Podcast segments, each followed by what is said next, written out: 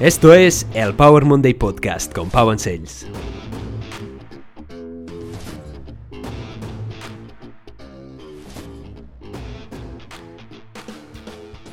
Bienvenidos a Power Monday Podcast, soy Pau, apasionado de fitness, motivación y ciencia y en este episodio nos acompaña Alex López.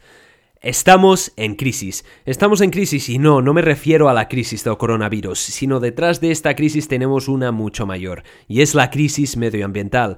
Y es que estamos viviendo la sexta extinción masiva de animales, la deforestación de bosques milenarios y la destrucción de ecosistemas comprometiendo nuestro futuro como especie y nuestra salud actual. Los números son mucho peores de lo que anteriormente se pensaba y debemos actuar ya para salvar lo que podamos. Y por eso nos acompaña hoy Alex López. Alex López es un biólogo ambiental apasionado por la naturaleza y su conservación. Estudió durante un tiempo en Costa Rica donde se enamoró de la biodiversidad como por la fotografía. En Tenerife obtuvo el título de Dive Master y buceando entendió que hay un bosque debajo del océano que vale mucho la pena salvar. Ahora mismo está realizando un doctorado en ecología y conservación de ecosistemas acuáticos. Y hoy nos acompaña para realizar una charla, así que vamos directos a la charla con Alex López. Pues muy bien, Alex López, muchísimas gracias por estar aquí. ¿Cómo estás? ¿Qué tal, Pau? Encantado. Muchísimas gracias por invitarme. Pues hoy vamos a hablar un poco del estado de alarma en el que estamos, estado de alarma climática. Y es que últimamente recibimos muchas noticias de la crisis de la pérdida de biodiversidad, de especies, del efecto de los gases de invernadero, de toda esta crisis del aumento de la temperatura, pero ¿cuál es la situación actual? ¿Cómo estamos? ¿Y cuáles son algunas estadísticas que nos puedas dar para informarnos de dónde estamos?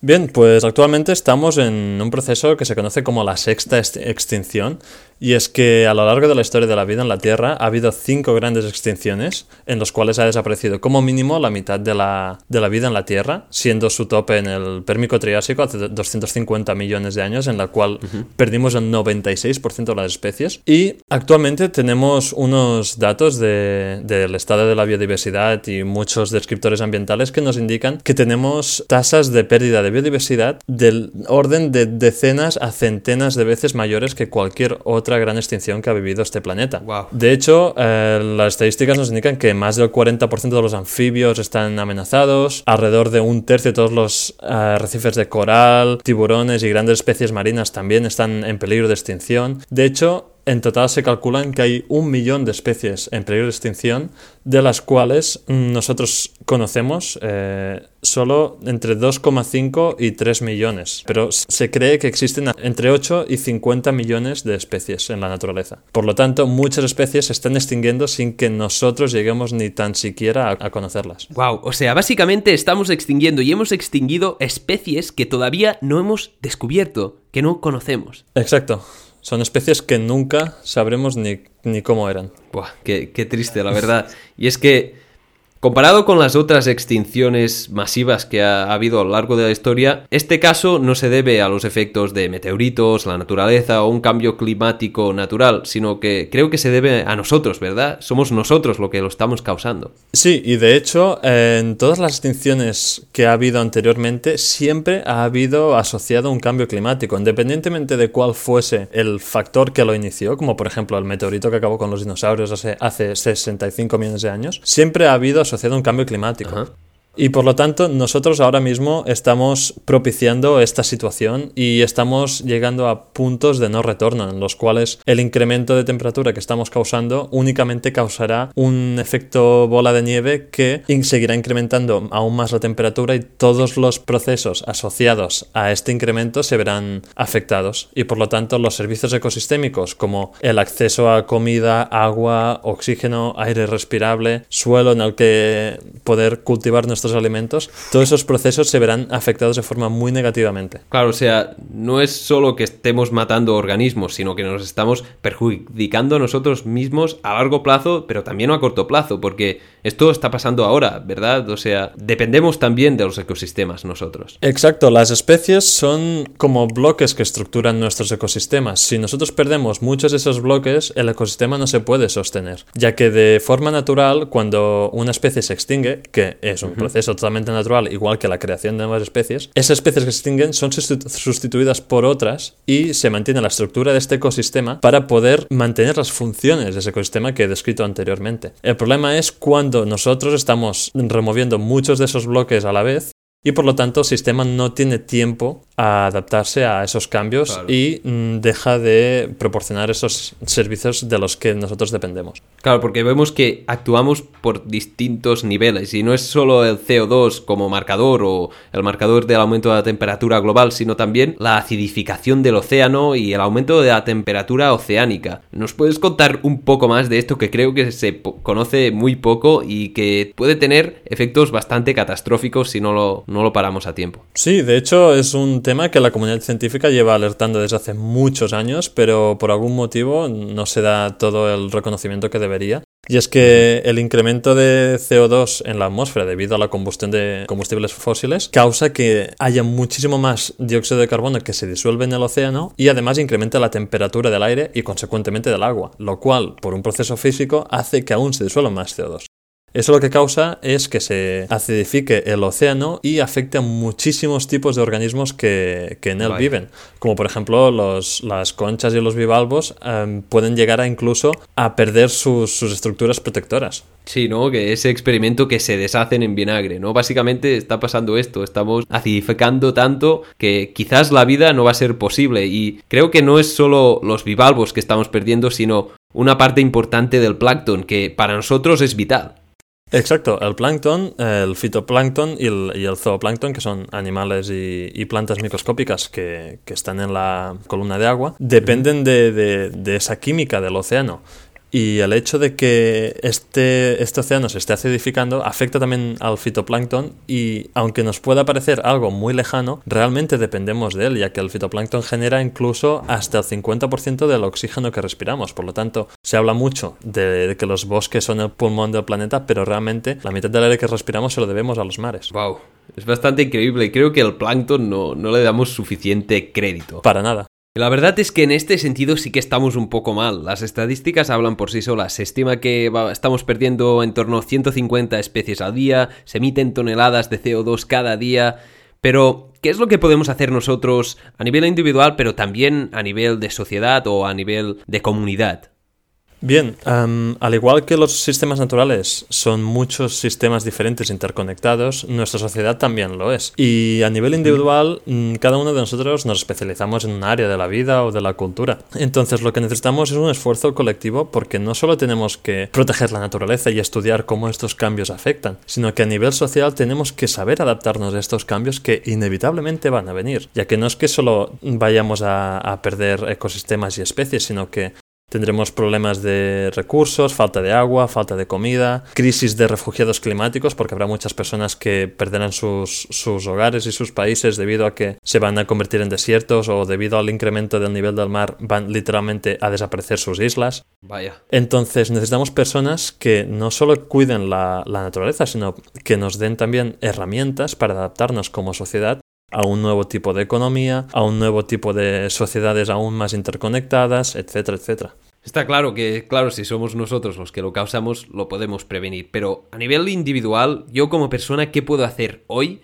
¿Qué puede hacer una persona que nos esté escuchando hoy para empezar a como redirigir este, esta crisis, porque sí que igual no podemos salvar lo que hemos causado en el pasado, pero hay mucho por lo que vale la pena luchar todavía. Sí, de hecho es muy común escuchar el argumento de que son los gobiernos y las grandes empresas las que tienen la mayor parte de la responsabilidad eh, de esta crisis climática. Y es cierto en parte, pero nosotros, a nivel individual, en un sistema capitalista en el cual vivimos, tenemos mucho poder de elección con nuestras compras de cada día. De hecho, hemos conseguido, por ejemplo, cambiar muchos tipos de envase debido a la gran conciencia global que hay contra el plástico y cada vez más marcas utilizan envases de reciclables de, de cartón o de plástico. Pero, aún así, la causa principal de, cambio climático y al fin y al cabo de destrucción de nuestro, nuestro modelo de vida y de planeta actual es el, consumo de carne, ya que implica una gran emisión de gases de efecto invernadero y sobre todo una gran destrucción de ecosistemas naturales para poder tener terreno suficiente para generar comida para estos, para estos animales, ya que actualmente cada año se matan aproximadamente 60 billones con B de animales terrestres únicamente para, para recursos alimentarios, cuando nosotros somos aproximadamente 8 billones de, personas en el planeta. Por lo tanto, es mucho más eficiente hacer crecer alimentos para estas 8 billones de personas que no para 60 billones de animales, ignorando todo el tema de las pesquerías y recursos marinos que sería imposible cuantificar en términos de individuos y por eso se tratan en temas de toneladas. Wow, pues 60 billones, que son 60 mil millones de animales terrestres. Y esto que no, no hablamos de los acuáticos. Pero es realmente increíble cómo las pequeñas decisiones de cada persona pueden determinar el efecto que tiene la industria a nuestro mundo. A veces nos pensamos que solo es el sistema de producción, el transporte, pero la industria ganadera parece ser que contamina mucho más de lo que parece, ¿no es cierto? Sí, de hecho es considerada eh, la principal fuente de emisiones de gases de efecto invernadero por encima de todos los transportes combinados del mundo, incluyendo aviones, barcos, etc. Y no solo eso, el consumo de, carne implica tener que desforestar mucho más, gastar muchísimos más pesticidas, gastar muchísimos más ah, antibióticos, que generan una problemática de resistencia a antibióticos muy importante. Sí, pues es bastante preocupante el hecho de la resistencia a los antibióticos. Sí, de hecho es una problemática que causará que cada vez tengamos más limitaciones a la hora de tratar posibles nuevas enfermedades que nos vengan en el futuro, porque las pandemias seguirán dándose mientras sigamos consumiendo animales, porque eh, todos estos virus que están saliendo y que saldrán, y que han ido saliendo todas estas últimas décadas, están únicamente en reservorios animales, no en el reino vegetal. Claro, realmente esto yo como farmacéutico lo veo y es una problemática la resistencia a los antibióticos. Y puede ser que nos perjudique muchísimo ah, aumentando nuestra mortalidad y quizás se dice que a partir del año 2050 va a ser la primera causa de mortalidad la resistencia a antibióticos y las bacterias súper resistentes. Pero esto quizás ya es para otro tema. Y es que la verdad es que damos muy por hecho que pues los supermercados van a estar aquí, nuestros servicios van a estar ahí, vamos a poder seguir viviendo sí, pero se está poniendo en cuestión la supervivencia de este sistema, porque este sistema funciona a base de los ecosistemas que nos estamos destruyendo. Y debemos encontrar una manera más sostenible para mantener este sistema y para asegurarnos nuestra supervivencia en un futuro y no muy lejano la verdad porque la situación es un poco preocupante. Así que como persona Alex cómo dirías o cuál dirías que es la acción más eficaz que podemos tomar hoy para empezar a mejorar esta situación pues a nivel individual, la acción más fácil es cambiar la cesta de la compra, apostar por productos más locales, menos basados en animales y sobre todo que den soporte a un tipo de economía y de gestión de los recursos que tenemos que sea amigable tanto con el medio ambiente como con la sociedad en este nuevo marco en el cual nos tenemos que adaptar. Es decir, básicamente votar con cada compra que hacemos. Exacto. Este hecho a mí me parece crucial, y es que muy a menudo no le damos suficiente importancia a nuestras pequeñas acciones, a lo que compramos, a lo que hacemos cada día, a nuestros hábitos, y muy a menudo tendemos a responsabilizar a las grandes corporaciones y quitarnos nuestra responsabilidad. Pero al fin y al cabo, el mercado y la industria se adapta a lo que pide el consumidor. Y esto nos lo está demostrando el movimiento vegano, cómo una pequeña minoría está consiguiendo este pivote, este cambio en el mercado para ofrecer alternativas más sostenibles, más basadas en plantas y nuevas iniciativas que están apareciendo para hacer frente a toda esta problemática del cambio climático, la extinción masiva y también la explotación animal. Yo soy muy partidario de la frase sé el cambio que quieres ver en el mundo. Be the change you want to see in the world. Así que, si no te gusta lo que hacen las grandes corporaciones, empieza tú el cambio. Y sé que parece contraintuitivo, pero es totalmente cierto. Nuestras acciones determinan el mercado. No sé, Alex, ¿quieres añadir algo más? Bien, me gustaría añadir simplemente el hecho de que intentemos ser mucho más conscientes del sitio que tenemos, que nos bajemos bastante del carro del antropocentrismo y que recordemos siempre nuestro lugar dentro de los ecosistemas y que formamos parte de ellos y no estamos por encima de ellos. Wow, no podría estar más de acuerdo contigo. Para terminar, tengo una pregunta un poco diferente para ti. A ver, sorpréndeme. Y es la de si pudieras escoger tres personajes históricos o tres personas que viven ahora o hayan vivido a lo largo de la historia que quisieras llevarte a cenar, ¿con cuáles te quedarías? Tres personas. Creo que me quedaría con Isaac Newton como padre de, la ciencia moderna y que como buen aficionado a, la astronomía le, debemos muchísimo. En segundo lugar con Paul Watson, que es el fundador y actual presidente de Sea Shepherd, que es una organización de protección del medio marino a nivel mundial muy importante y hacen una labor que si no conocéis deberíais buscar información porque es muy, muy, muy loable.